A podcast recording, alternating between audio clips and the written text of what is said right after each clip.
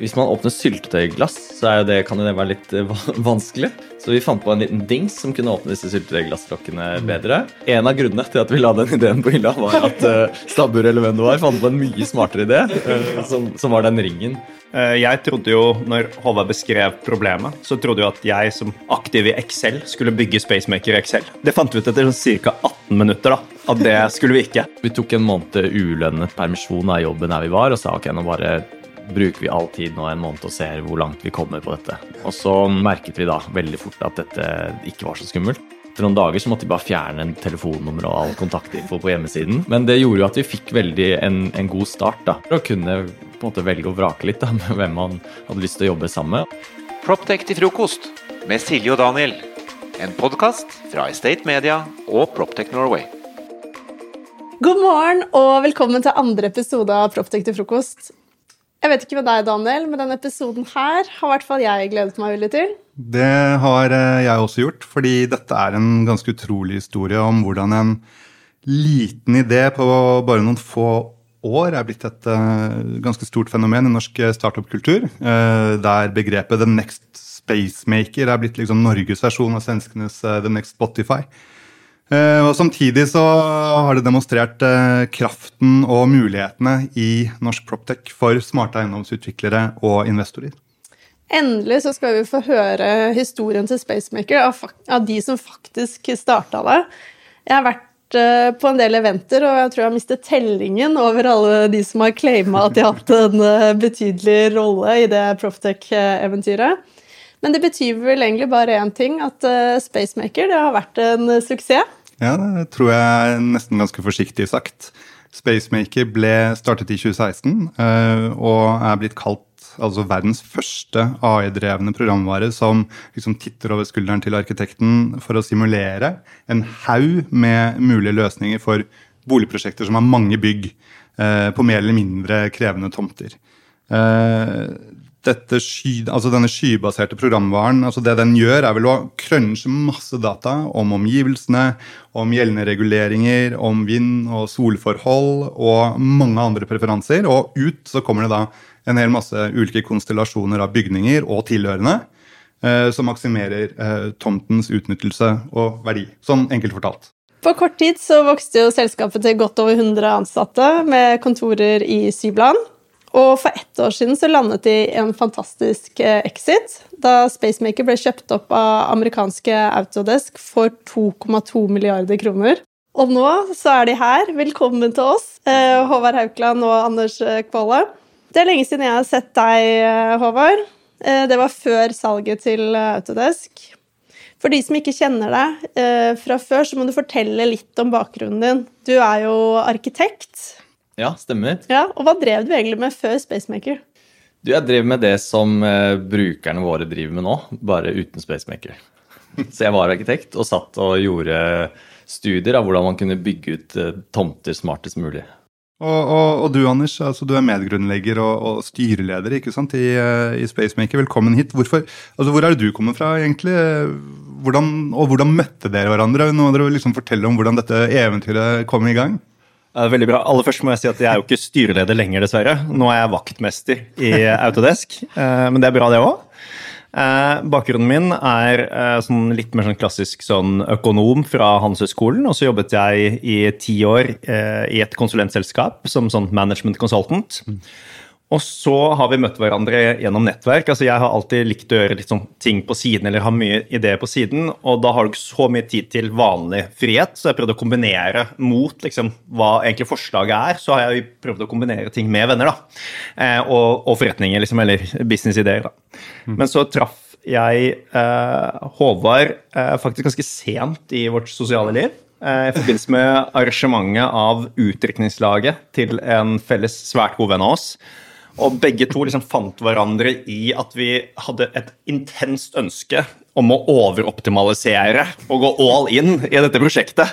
Var det sent på kvelden? eller? Eh, nei, det, det, var det heller ikke. ikke sant? Det var det som var sjukt. Det var egentlig ganske sånn tidlig. Skjønte vi at vi hadde så lyst, altså vi fikk så mye glede av å gjøre ting, liksom, ganske gå sånn all in. da.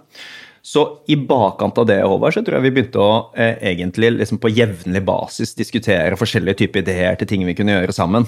Eh. Så, så, dere hadde, det var ikke sånn at en av dere hadde en idé, og så satte dere ned og så bare ok. Men dere, dere bestemte dere for at vi har lyst til å starte noe. Nå må vi bare se på alt av muligheter der? Ja, Kanskje marginalt mer organisk. Altså, en, altså, mer sånn, Ikke så kommersielt som at vi har lyst til å starte noe, men sånn, vi har bare lyst til å finne på kule ting sammen. Er dette en spennende idé? Og så gled det over at vi hadde lyst til å starte noe sammen. da.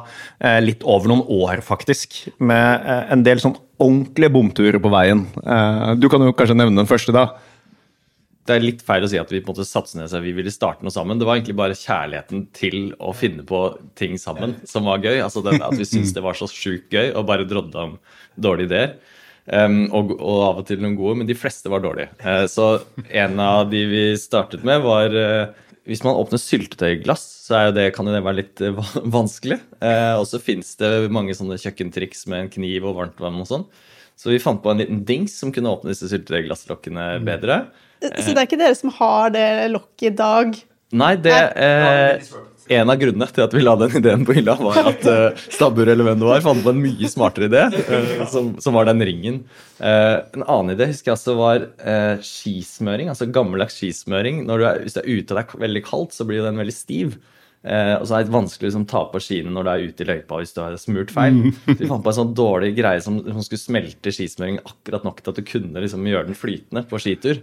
Og det er vi også ganske glad for at vi ikke gikk all in eh, på, med tanke på at felleski kom like etterpå. Eh, så jeg, jeg, tror vi har vært innom flere dårlige enn gode ideer. Ja. Men det er jo en helt enorm altså avstand fra syltetøylokkåpnere og skismøringssmeltere til liksom en AI-drevet software som disrupter hele byggebransjen. Hvordan kom dere inn på den, på den tanken? Nei, eh, det fellesnevneren er jo at det er problemer som vi måtte bare kommer over. Men eh, så er det kanskje litt sånn viktigheten av problemene som er litt forskjellig også. fordi at dette problemet, da, som, som Spacemaker startet med, var et reelt problem. som jeg satt med i jobben min, og som jeg syntes var frustrerende. Og tenkte at dette må kunne gjøres på en annen måte. Um, og her skaper man store verdier, man gjør noe viktig. Man, man, eh, dette er et stort uh, problem verden over, og det gjøres på en dårlig måte. Men vi hadde ikke en idé til hvordan det skulle løses, i motsetning til syltetøyglasslokket og skismøringssmelteren, hvor vi også hadde en idé til produktet. Men vi hadde en, uh, selvfølgelig noen klare tanker om hvordan dette kunne gjøres smartere, ved hjelp av en mer sånn systematisk tilnærming og ved hjelp av Eh, datakraft og ved hjelp av Men eh, vi var også der innom noen ganske dårlige metoder i starten, eh, Anders.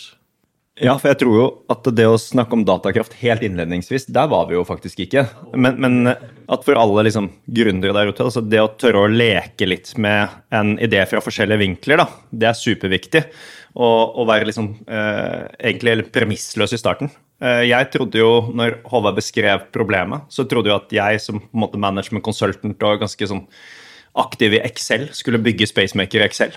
Mm. Eh, første versjon. Um, det, det, fant vi ut etter sånn ca. 18 minutter, da, at det skulle vi ikke. Men det var faktisk fordi vi prøvde det sammen, skulder til skulder, at vi, vi skjønte at her, her, var det potensial for å faktisk bygge et ekte eh, produkt. da. Så da ringte vi det som ble den tredje eh, founderen i gjengen, Carl Christensen, som hadde lang erfaring som produktutvikler. Eh, og som, uh, som umiddelbart liksom tente på, på ideen. da.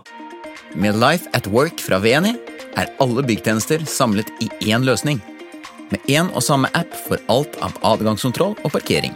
Til booking av møterom eller matbestilling kan du som gårdeier ta grep om dine verdier og skape en enkel og sømløs hverdag for dine leietakere. Finn ut mer på veni.no. Men når er dere bestemte dere for at ja, nå slutter vi jobbene våre og satser på det her fullt ut? Eh, nei, vi, dette som vi snakket om nå, jo, skjedde jo i 2015. Så vi satt jo nesten et år på kveldstid og i helger og drodlet og testet og på en måte gravde oss ned i problemstillinger. Eh, Kalle, da, han tredje gründeren, han brukte jo veldig mye tid på å eh, finne ut, for han var helt overbevist om at, eh, det fant, at, dette fantes. Det var bare jeg som gjorde det på en dum måte. Mm. Så han brukte veldig lang tid på å finne ut eh, hvor dette fantes, og hvorfor vi ikke skulle gjøre dette. Um, Så det var vel nesten etter et år at eh, Anders dyttet eh, Kalle og meg litt, eh, særlig i starten. da, For vi syntes jo dette var litt utrygt og skulle slutte i en jobb og begynne å teste, teste ut dette, selv om vi hadde tro på det. Em, så vi tok en måned ulønnet permisjon av jobben der vi var, og sa ok, nå bare bruker vi all tid nå en måned og ser hvor langt vi kommer på dette. Og så eh, merket vi da veldig fort at dette ikke var så skummelt. Nesten, jeg vil nesten si som dagen etter. Bare du går inn på et nytt kontor, og sånn, så merker du at ja, men dette er jo ikke så skummelt. Dette kan vi jo gjøre. Eh, så Men, men vi- hvordan føltes det da? liksom at var, Ok, dere tre, dere har troen på et produkt, og nå skal dere liksom satse. Eh, nei, det følte Det var mest gøy. Særlig fordi vi syns jo det er veldig gøy å drodle med å liksom gå dypt ned i noe og prøve å finne ut om man kan gjøre det på en smart måte. Eh, og så, vi, så ble vi enige om at ok, nå tar vi en fire-fem måneder og bare betaler vår egen lønn med sparepenger, og nå gjør vi dette. Og det føltes ikke så skummelt. Så hvis man setter seg et, et litt sånn kortsiktig mål, og så sier vi ok, nå prøver vi å få med eh, få med investorer, eh, prøve å få forskningsstøtte. Vi prøver å eh, snakke med noen eh, aktører i bransjen, høre om de vil være med på dette som forskningspartnere. Så dere gjorde alt det her første måneden? Altså, Vi hadde jo gjort en del gjennom våren på hobbybasis også. Men det var først når vi på en måte eh, Jeg fikk dyttet Håvard og Kalle utfor stupet, da. Eh, og de tok denne eh, permisjonen eh, liksom, som ble til på en måte bare overgangen til full ansettelse. At, uh, at vi virkelig fikk fart på det. Og jeg vil si at det var egentlig ikke skummelt når man først hadde kommet til den konklusjonen i det hele tatt. Fordi uh, det var bare sånn ekstremt energiutløsende. Eh, altså Det var helt fantastisk. Fordi det som er med alle startups, er at det er to kurver. Det er liksom dreams, og de begynner på topp. Og den første halve året så er det jo bare i dreams. Og så er det en sånn graf som går motsatt vei, da, som heter realities. Eh, og så på et eller annet tidspunkt treffer de hverandre. Men det første seks til tolv månedene så er det jo dreams liksom, De har ikke møtt hverandre, så det er bare dreams. Og det var jo altså, en helt magisk periode, hvor du helt betingelsesløst kan diskutere problemet fra forskjellige vinkler. Du eh, bygger en visjon og ambisjon som eh, du skal begynne å snakke med kandidater til å rekruttere på. Du snakker med potensielle investorer eller bransjerelaterte mennesker. Og det å få lov til å liksom selge inn det og hele tiden oppleve, liksom, fordi du har kommet relativt kort, da, så oppleves alt som ganske sånn fantastisk progress. Så liksom du får veldig mye bekreftelser i den første fasen, ikke sant? Reelt eller ikke, da. Men det gjorde at det liksom, det var jo kanskje liksom the time of our lives, da, i den perioden der. Men så da, altså på, på liksom legenden Spacemaker, altså på mytologien som nærmest omgir dette selskapet, så virker det jo som dere aldri hadde noen motgang. Fikk dere liksom aldri det derre Hva er det vi har gjort-følelsen? Dette her kan jo aldri gå. Har dere liksom tenkt at dette får vi ikke til? Nei, altså jeg, jeg tror aldri oppriktig vi har tenkt at dette ikke går. Altså jeg tror fra starten, og det tror jeg er veldig unikt, og, og definitivt så skal man ikke føle at det er feil eller som et nederlag hvis man er en founder i en situasjon hvor man møter motstand. Det kan eh, derimot gjøre det enda sterkere. Men jeg tror aldri på noe tidspunkt vi følte at dette ikke ville gå på en eller annen måte. Ikke sant? Nei, jeg er enig i det, men jeg, jeg, vi har definitivt hatt masse motstand som, eh, som man bare kanskje ikke har hørt så mye om. eh, Hver eneste dag. eh, Og gjort masse, masse, masse, masse ting feil. Eh, Det er jo ingen tvil om. Jeg husker jo, Håvard, det var en av de første artiklene vi hadde. eh, Og så snakket jeg med deg dagen etterpå eller to dager etterpå, eller noe. Og da sa du liksom sånn Oi, vi har fått inn over 100 leads etter det. Og jeg ble, liksom, jeg ble litt overraska selv. Eh, Men det var jo et tegn på at det var noe som bransjen virkelig trengte å være interessert i. Ja, det, det, det fikk vi ganske tidlig bekreftelse på, og det var, var veldig gøy. Og, og lenge før vi hadde noe måte, apparat til å håndtere det i det hele tatt, så, eh, så som du sier, da, så var vi på Det var vel en sånn Proptech-konferanse nå, en av de aller, aller første, tror jeg, eh, på Mesh. Proptech Summit eh, nummer én. Ja, jeg tror det var sånn eh, på høsten 2017. Da hadde vel vi holdt på et års tid omtrent, tror jeg. Og da, mm, etter det, så ble vi nedringt, fullstendig nedringt. Så etter, eh, etter noen dager så måtte vi bare fjerne en telefonnummer og all kontaktinfo på hjemmesiden. For vi hadde, liksom bare, vi hadde ingen kapasitet. Det bare forstyrret, nærmest. Eh, Men det gjorde jo at vi fikk veldig en, en god start da, med eh, veldig mange aktører, og kunne på en måte velge og vrake litt da, med hvem man hadde lyst til å jobbe sammen med. og eh, valgte å bruke ganske mye tid med noen av de store eh, selskapene som vi syns hadde riktig holdning til det vi prøvde å få til. Eh, som ble med som forskningspartnere, pilotkunder eh, osv. Ja, fortell litt om bare liksom hvor mye og hvor slitsomt altså Hvordan var livet for dere da det liksom sto på som verst disse første dagene? Der tror jeg vi begge må kommentere litt, uh, Håvard. Men um, det har vært en eksepsjonelt intens reise fra liksom, altså hele veien, hvor vi har eh, brukt all tiden vår på å jobbe med prosjektet. Liksom, og tenke på prosjektet dag og natt.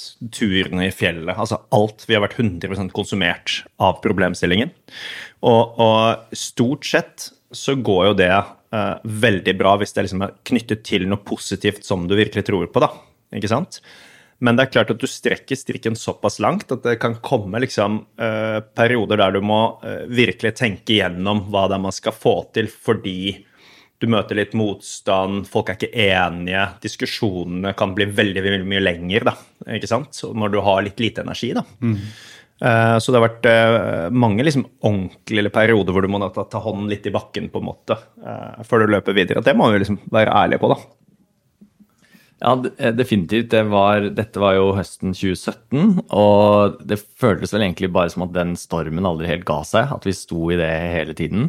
Eh, og var med på det ene etter det andre. Og det, det blir litt som Anders sier, at det er så ekstremt gøy. Det er så positiv energi. Og så er det eh, man, eh, man, Det skjer så mye hele tiden, sånn at det kommer alltid noe nytt. sånn at hvis man har et eller annet å feire, så rekker man aldri å feire det før det kommer eller annen, et eller annet problem man må løse. da, Eller noe annet som, man, som bare opptar all eh, fokusen. Eh, så det er jo det skumle kanskje med det også, at du, du, du, du rekker jo aldri egentlig å kjenne etter om dette kanskje er litt for høyt tempo. Eh, og for min egen del også, så endte jo det på legevakten etter en eh, to års tid, da. Eh, hvor jeg Altså, ja, hvor, hvor han på legevakten sa at nå, du må bare ikke jobbe. Du må bare slutte å jobbe i en lang stund, for dette kommer til å ta lang tid å komme tilbake fra. For man har litt den holdningen at jeg har ca. et kvarter til å være her, og så må jeg tilbake, ikke sant. Men han var litt flink til å skru om hodet mitt og si at nå må du liksom gire om og legge om, ellers så kommer du tilbake her om noen måneder, og da, eh, da tar det årevis. på en måte. Lyttet du til han? Ja, jeg gjorde faktisk det. Ja. Um, Hvordan var det? Nei, det, eh, det, var noe av det lureste jeg har gjort, tror jeg. Mm. Uh, men det tok, det tok, jo lang tid, da. Det tok uh, Men altså, det tok jo ikke så altfor lang tid før, man, før, jeg kunne begynne å jobbe igjen. Uh, men jeg måtte lære meg å jobbe på en helt annen måte. Um, kan du bare fortelle litt om det? Liksom, hvordan jobber du nå sammenlignet med tidligere? For jeg husker i hvert fall Før så det, fikk man alltid svar av deg ganske sent, for du hadde hatt så sykt mye å gjøre hele dagen. Så da satt du liksom på kveldene sånn ja, mens de andre, andre hadde lagt seg og svarte på mail. Ja, det blir litt sånn at man må samle opp, da. og og sånn er det jo på alle arenaer også, for jeg har jo eh, to barn også. Og han eh, minstemann han ble jo født omtrent når vi startet eh, Spacemaker. Mm. Um, sånn at det tar jo mye tid. Og så har jeg en kone som har jobbet også fulltid ved siden av. Uh, og så prøver å liksom få dette til å gå opp er ikke så lett heller. Uh, så, så, det kanskje gjør det litt ekstra utfordrende. Uh, men um, nei, det, det Anders jeg har faktisk snakket om det en gang, at det, eh, det, er veldig sånn irriterende å høre på folk som sier at jo, liksom, hvis man skal drive et startup, så må man passe på å sove masse, og man må liksom eh, meditere, og man må eh, liksom koble av og lese bøker og gjøre alt som man absolutt ikke føler man har et minutt til å gjøre. da. Mm. Eh, fordi det hjelper deg ikke. Du, du, klarer ikke å si ok, ja, men da bare, da bare, jobber jeg mye mindre. For du føler som om altså, du skal alltid bare gjøre akkurat dette. ikke sant? Og du lever på en sånn energi hvor du merker at dette har jeg kapasitet til, det går bra. Eh, så det er det som gjør det litt skummelt, at man må eh, du får nesten ikke noe De signalene de overser man bare. Så det handler jo egentlig mest bare om å prøve å lære seg de og tvinge, Jeg bare måtte tvinge meg selv da, til disse kjedelige svarene om å sove mer og klare å gjøre, gjøre, noe annet som distraherer meg. For jeg klarer ikke å bare koble av og si nei, nå skal jeg ikke tenke på jobb. Jeg må, jeg må gjøre noe faktisk annet som gjør at jeg ikke klarer å tenke på jobb. da. Mm. Eh, F.eks. være bandytrener eh, for en av barna mine. Som er litt sånn da, da, da kan du faktisk ikke tenke på jobb. Eh, så men jeg har ingen oppskrift. Men jeg tror bare Jeg, jeg, tror, ikke, jeg tror, ikke, jeg kunne liksom bare sagt ok, nå, nå, skal jeg gjøre det igjen, og da skal jeg gjøre det og sove masse og sånn. For man må jeg, jeg, kan ikke skjønne hvordan jeg skulle klart å gjort det uten å eh, jobbet så hardt da, eh, som, eh, som, vi alle har gjort. ikke sant? Og alle de ansatte også. Jobbet og stått på dag og natt. Vi husker vi hadde en ansatt som eh, han satt, Vi satt sent på kvelden, jeg husker ikke hva vi drev med. Og så eh, ble han, fikk Adda et eller annet virus, han gikk på do og, og kastet opp. Eh, og så sa vi du, nå må du dra hjem, det, dette er jo ikke bra. Eh, for han eh, nektet jo å dra hjem, han bare gikk tilbake og sa jeg skal bare løse ferdig dette her, så skal jeg dra hjem. Og den, Det høres absurd ut, ikke sant? men det er veldig positivt. Det er jo fordi man tenker at det går, det, det får man til, det er glede i det, ikke sant? Så, men det er jo ikke sunt. Ja, Bra å høre at dere har kommet dit dere er i dag, i hvert fall. Laft tilbyr en fullverdig FDV-løsning som bidrar til enklere og mer effektiv drift både for små og store eiendomsbesittere. Digitaliser den daglige driften, få bedre innsikt og ta bedre beslutninger for porteføljen. Vi leverer moduler for DV, utleie og renhold, i tillegg til en rekke andre tjenester og integrasjoner. Les mer på laft.io. På denne tiden så var det jo mange startups i Oslo. altså Dere er jo en del av denne første bølgen av norske Proptech-selskaper. Og mange sier at de opplevde at det var liksom overhodet eh, Det fantes liksom ikke venturekapital for, eh, for eh, Proptech eller for startups omtrent i det hele tatt. Eh, I motsetning til i dag, egentlig. Eh, og at det var eiendomsselskapene, du nevnte det litt, eh, som på en måte ble de første investorene og de første pilotkundene. hvordan var liksom møtet med eiendomsbransjen i, i Norge?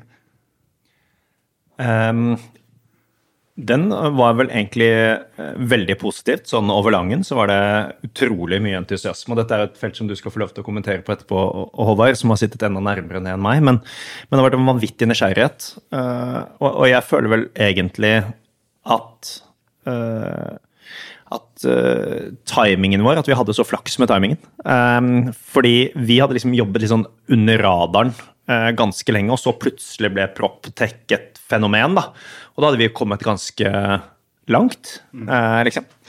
Og, eh, og, og, og, fikk liksom åpne dører, ikke bare egentlig Norge eh, og Sverige, men liksom der vi ville dra, så føler vi at vi ble invitert til å stå på en eller annen scene, da. Og så føler vi også at det du nevnte om på en måte kapital, eh, det føler ikke vi at det har stemt for vår reise i det hele tatt. Mm. Så vi føler heller at det har vært motsatt.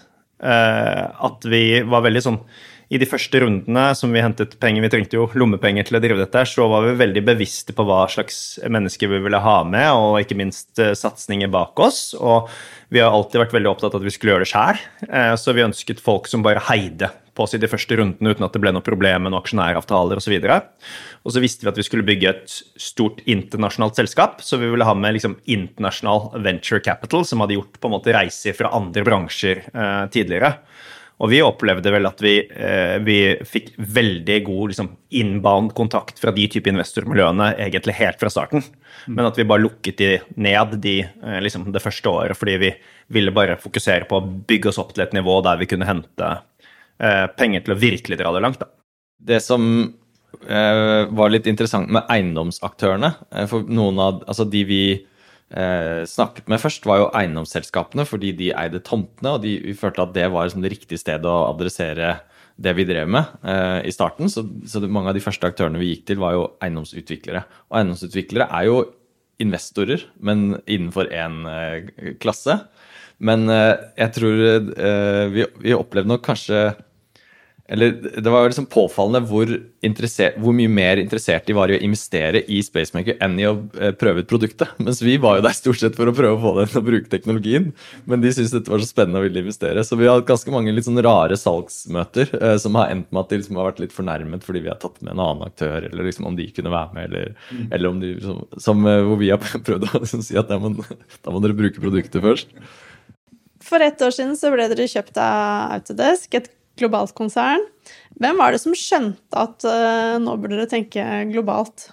Um, vi uh, tre som founders, når vi startet selskapet, så så vi bare på hverandre og så ble vi enige om at uh, dette her må vi dra så langt som overhodet mulig. Og vi har lyst til å prøve å bygge et internasjonalt selskap. Så egentlig i liksom, kildekoden, altså ikke på en måte software-kildekoden, men i liksom DNA til bedriften, så var det at vi skulle bli et internasjonalt selskap fra starten. Og så tok det selvfølgelig det ekstremt mye lengre tid enn, enn det vi så for oss. Vi hadde jo i den første businessplanen at vi skulle skalere den høsten etter at vi hadde startet opp. Uh, da skulle det være fem land, tror jeg. Men det er en klassiker i de fleste businessplaner? er det ikke det? Ja, Du kan gange dem med, med pi og litt til. Da. Ja. Uh, men, så, så, det har vi tenkt hele tiden. Uh, men hvis spørsmålet ditt også er hvorfor følte vi at det var rett, da? Uh, hvis du skjønner hva jeg mener, ja. med, med, Autodesk som en eh, global partner med oss, så tror jeg at eh, For oss er det jo Altså, vi skjønte jo at vi hadde startet noe som virkelig kunne ha en positiv effekt på denne bransjen. Ikke bare i Norden, men globalt, hvis det er brukt riktig.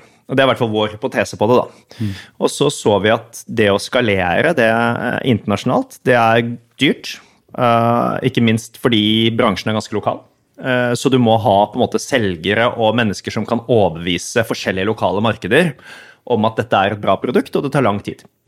Så eh, hvis vi liksom Vi tok en samtale sånn, når vi er 70 år da, og skal se tilbake på det vi har gjort. da, Hvordan kan vi maksimere sannsynligheten for at det vi skapte, det vi fant på, liksom, at det faktisk kommer til global anvendelse? Mm. Til det beste for en bransje. At vi kanskje har en bitte bitte liten påvirkningsgrad på liksom en av verdens største bransjer, så tenkte vi at det er ikke noe dum ting å partnere opp med en aktør som har kjempelyst til å jobbe med oss, og som har 3000 selgere globalt. Ja, for det var de som tok kontakt med dere først? Ja, altså Vi hadde jo fått noen sånne venture capital-eiere, ja. og uh, da blir det plutselig veldig kjent. Uh, og de kontaktet altså Autodesk sine som på en måte snusere. Tok kontakt med de jeg tror det var ni ganger. Eh, og vi sa bare nei alle gangene. Før vi til slutt uh, valgte å si ja til på en måte en innledende dialog der de lovte at vi bare kunne få lov til å lære om dem, da, og bruke dem som en informasjonskilde. For dere hadde sånn ikke tenkt å selge? Planen uh, var aldri å selge på det tidspunktet og kjøre en uh, lengre reise. men så på en måte var de veldig sånn flinke, gode, men også ganske sånn åpne og, og, og smarte på hvordan den, de utviklet den dialogen med oss. da. Håvard, du sa, du sa en gang eh, at dere ikke liksom tror at kunstig intelligens kommer til å skvise ut arkitekten, um, men at det liksom er arkitekter som bruker AI som kommer til å skvise ut arkitekter som ikke gjør det. på en måte. Uh, tror arkitektene på deg når du, når, du, når du, sier dette? Altså Jeg spør fordi dette er en nøtt for ganske mange selskaper som liksom lover å disrupte en, en profesjon. Altså, Vi har jo siden dagen, så det blir jo masse støy eh, rundt AI i alle bransjer. Og for arkitekter også, som, som, driver med noe som er ganske mykt. altså Det har mange harde parametere, men også veldig mange myke parametere. Jeg tror de, en bransje da vil umiddelbart ikke helt forstå hvorfor AI skal være så utfordrende eh, for dem som det er for andre aktører som driver med noe som er mye enklere å liksom forstå at dette er veldig regelbasert, og man gjør det alltid på den samme måten, og da kan det liksom erstattes av datamaskiner. Mm. Så, men, eh, så vi, vi, har jo brukt veldig mye tid, og det tar lang tid, ikke sant, å få en bransje til å forstå nyansen i hva det betyr. Eh, og de arkitektfirmaene som går inn i det og forstår det, og, som er åpne og nysgjerrige rundt denne nye muligheten som, eh, som AI og, og, datakraft og alt som skjer rundt oss, gir, da, de, de ser jo de, de utvikler seg veldig raskt, da, og så ser de, mul de muligheten i dette. Og så, og så, blir det så akselererende at jeg tror de ganske raskt kommer til å løpe fra de som kanskje i større grad liksom fornekter og tenker at de vil ikke inn og forstå det. fordi det er eh, du, du, må liksom inn og forstå nyansene, for det, det, er jo ikke så banalt som man tror. Det, det er jo bare en kjempe, kjempefremskritt, akkurat som vi har hatt fremskritt på alle mulige andre måter eh, jevnlig gjennom historien. ikke sant? Så er dette en måte som gjør at man jobber veldig mye mer effektivt på, tar smartere beslutninger, finner bedre løsninger osv. Eh, ja. så jeg, jeg, tror fortsatt det, men eh, det tar litt tid. Møller Eiendom er tett på utviklingen av nye teknologiløsninger som forbedrer måten vi kjøper, utvikler og forvalter eiendom. Leverandørsiden er viktig driver for utvikling av bransjen og kundene våre. Du sa litt innledningsvis at dere har jobbet mye med forskningsmiljøene. Hvorfor har det vært viktig? Nei, altså I starten så fokuserte vi veldig på denne liksom, matematiske løssolveren som skulle på en måte klekke ut geniale måter å bygge ut en tomt på. Eh, og det, kjempe, det var kjempevanskelig eh, og var ikke gjort før. Og måtte eh, løses av veldig smarte, kreative mennesker som evnet å bruke matematikk sånn, og statistikk på en veldig sånn, kreativ måte. Så, må, så, alle de første ansatte var jo den typen personer, personer som hadde den kompetansen. Og vi måtte jobbe sammen med Sintef sine forskningsmiljøer og eh, måtte, måtte, fokusere på den biten eh, for, å, for, å, få den, det, produktet som vi startet å jobbe med. ikke sant? Og så har det produktet etter hvert også utviklet seg til å bli mye mer. Fordi at den der smarte solveren eh, er en del av hva vi gjør, men det, det må, hvis det er et, et, produkt helt alene, eh, så er det vanskelig å få folk til å bruke det. Da blir det på en måte enda et verktøy i skuffen som folk ofte føler ikke har tid til å bruke, eller liksom ikke sette, synes er vanskelig å sette seg inn i, eller så videre.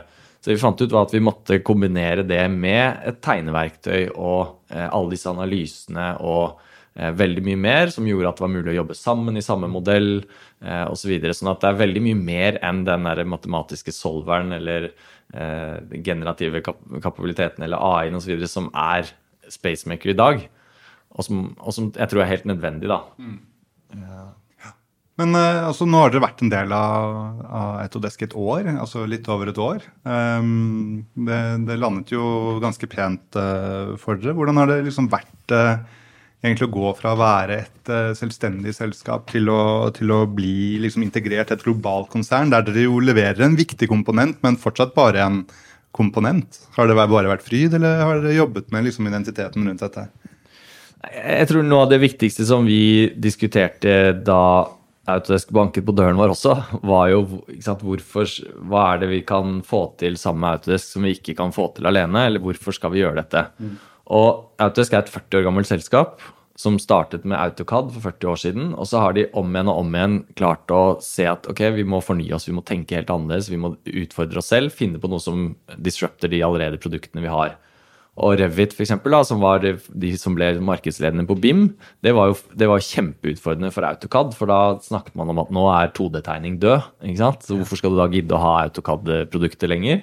Men de, så har de vist at de klarer å, å, få disse tingene til å henge sammen og, eh, og, å, leve videre. Autodesk, nei, AutoCAD er jo fortsatt uh, en, en, av de aller største liksom, delene av butikken deres. Um, og det syns vi var imponerende, at de faktisk tør og klarer å utfordre seg, selv helt fullstendig på en sånn eh, nesten livstruende måte, hvor man ser helt nytt på butikken sin, endrer forretningsmodell eh, osv. Og, så og det er jo det mandatet som vi eh, er en del av nå også. at vi har fått vi, vi, sitter i kjernen av den transformasjonen nå, hvor de sier nå, eh, verden vår, vi må, vi må endre oss på nytt.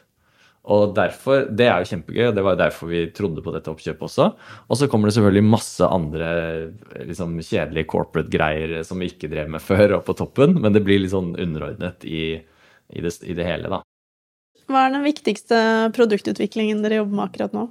Det viktigste vi gjør nå, er jo akkurat det jeg nettopp beskrev som den eh, store utviklingen, å se helhetlig på hvordan kan man, hvordan kan man gjøre om hele den eh, prosessen fra, helt fra tomtekjøp til eh, egentlig ferdigbygg. Den, altså det, den, delen som handler om disse designverktøyene som Autodesk har i sin portefølje, og som vi nå er en del av. Hvis man skal retenke hele den, eh, alt som heter 2D og BIM-tegning, og hvordan den dataen flyr mellom dette her, og hvordan, eh, hvordan, hvordan man kan legge beslutningsstøtte, da, eller eh, en, en, AI på skulderen, som vi kaller det, oppi en sånn prosess, det er jo det vi eh, startet med, og det vi jobber med fortsatt. Eh, men med en enda større sandkasse enn vi hadde før. Så det er litt sånn store, store svaret. Uh, og så ned på, eller på litt sånn mer detaljert nivå så jobber vi jo med å gå inn i nye land som krever at vi må tilpasse produktet til lokale markeder. Og vi bygger jo masse nye features hver eneste dag. og mm Eh, gjør verktøy enklere å bruke osv. Så, og så, videre. så det er, det er jo et kjempesvært team som jobber med dette nå. Så hvis vi liksom velger å ikke tenke på Proptech da, som liksom disse luftige vyene om eh, framtidsbyer og overvåkingsnabolag eh, à la Sidewalk Labs og, og perfekte bomaskiner, men heller tenke på det som liksom disse tusen inkrementelle forbedringene av, eh, av eh, bygg og, og, og, det å bruke bygg som eh, til sammen kan redusere dette klimaavtrykket eh, til en eiendomsbransje som eh, ikke er spesielt kjent for å være innovativ.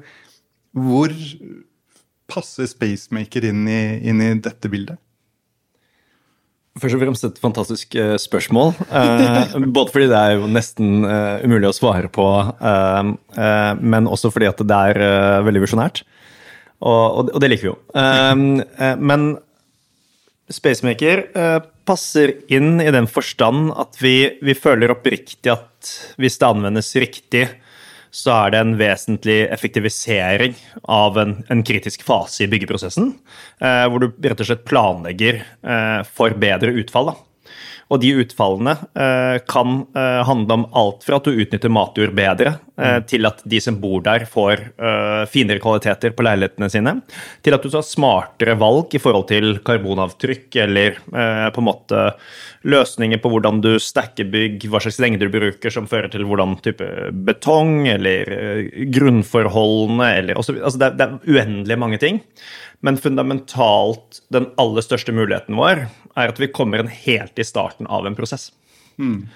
Som er det aller, aller viktigste hvis du virkelig skal ha en meningsfull endring på noe som helst. Så de realopsjonene eh, som egentlig kommer av at du blir et kjerneverktøy i planleggingsfasen av eh, egentlig alle nye produkter, eller alle nye bygg, da, fra starten av ut, det gjør at du kan legge på stadig nye features innenfor miljøperspektivet. Stadig nye måter å tenke på som, som kan bli ekstremt kraftig.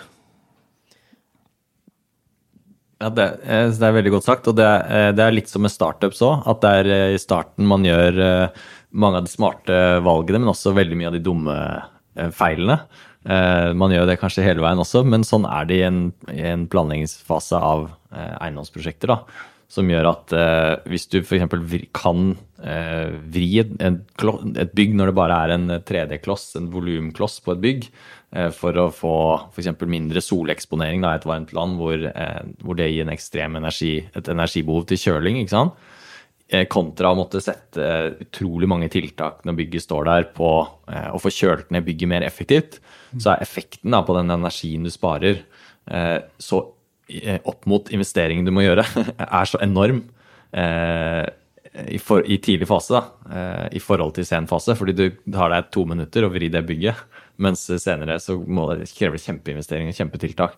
Så vi ser at hvis man gjør smarte valg tidlig, så kan man ha en mye større impact med mye mer effektivt enn hvis man gjør tiltak senere, da, når det på en måte er litt for sent.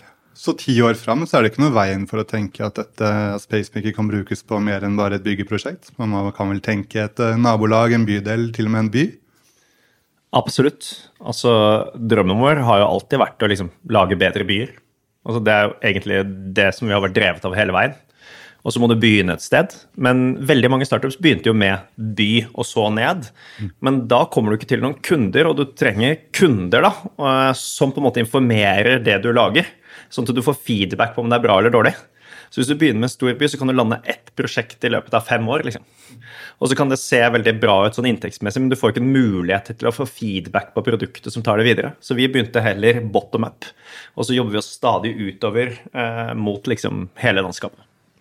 Og det er jo sånn byer bygges. De bygges jo bygg for bygg.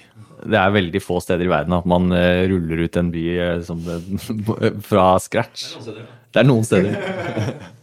Og de stedene har faktisk ringt på døren vår siden november 2017, de også. Snakker dere med Kina en del? Ja, det har vært, eh, I starten så trodde vi jo det var tull, for det ringte jo folk og sa, eller sendte en e-post og sa 'We're planning a new city in China'. Jeg lurer på om vi kan bruke spesifikt til det. Men eh, så skjønte vi at det var reelt. Og det er eh, overraskende mange som sitter og planlegger helt nye byer eh, fra scratch i Kina. Eh, men vi har Det er ikke noe veldig sånn SAS. Markedet er ikke så stort likevel. City building as a service. Men eh, Anders, når jeg ser på deg, så er jo capsen og hettegenserne fortsatt på. Er dere fortsatt gründere i hjertet? Jeg tror uh, at jeg ikke forsnakker meg hvis jeg svarer veldig bekreftende på det spørsmålet. Uh, vi, er, vi er, nok absolutt det. men husk på helt tilbake til det første vi fortalte i dag. da for meg og Håvard så har det alltid vært viktigst å bare uh, jobbe på en måte premissløst med innovasjon på en eller annen måte. Ikke sant? Som det er å prøve å lage verdens beste podkast. ikke, ikke i dag akkurat nå, altså, men sånn, det var jo bare parallelt til deres jobb, da. Jeg håper det, at Eh, dere tenker verdens beste episode i dag. Ja, altså vi, vi, vi føler Nei, nei, det må klippes. Uh, men um, vi, uh, vi elsker innovasjon, og, og vi elsker å både på en måte tenke på nye ideer og ting, men også å være i dialog med andre som prøver å skape noe, da, for å se om vi har litt av erfaringen vår som vi kan hjelpe til med. Ikke, ikke bare for å hjelpe, men også fordi vi, vi syns det er så gøy å spare med folk som har liksom en idé på noe, og som ønsker å ta noe superlangt. da. Men vi må jo spørre, vi nærmer oss slutten. Liksom, dette er jo en vanvittig Askeladden-historie og en foregangshistorie for, for all norsk proptech. Dette var jo en cash-basert transaksjon. altså Rapportene sier at dere fikk jo 270 millioner hver inn på, på, på konto. Hvordan var, å, hvordan var det å sjekke kontoen for første gang? Eh, det var jo litt spesielt. Men eh, det var altså sånn Det kan jo også hende fordi at vi bare var sånn ekstremt slitne etter den, den tunge høsten. Men det var ikke som om vi samlet oss for å feire akkurat det heller, for å være helt ærlig. Og, og da plutselig følte jeg meg som et litt bedre menneske enn jeg trodde jeg var. da. Eh, fordi det har ikke egentlig endret så veldig mye måte hvordan vi liksom hva, hva vi liker å drive med, da. Ja, for det er Hva som sånn- trigger oss, liksom. For det er ikke sånn nå at dere bare tenker at ok, nå har vi tjent masse penger, nå kan vi slutte å jobbe og bare slappe av. Nei, jeg, jeg tror heller man bruker tid på å tenke på uh, hvordan man skal man sette opp dette her så man har det maksimalt gøy med jobb for resten av livet, da. Jeg tror det er mer det det går på. Så dere har ikke skapt deres siste produkt? Det håper man jo ikke. Altså, for det er jo en uh, liksom fallitterklæring hvis man har bekreftet at man liker innovasjon. Da. Um, og så skal vi helt sikkert lage mange bra produkter i Spacemaker, og så er det ikke sikkert at vi fra grunnen av og opp bygger eh, nye produkter, men at vi kan hjelpe til med å utvikle nye produkter eller være en del av det på en eller annen måte, det håper man jo. Proptech til frokost med Silje og Daniel. En podkast fra Estate Media og Proptech Norway.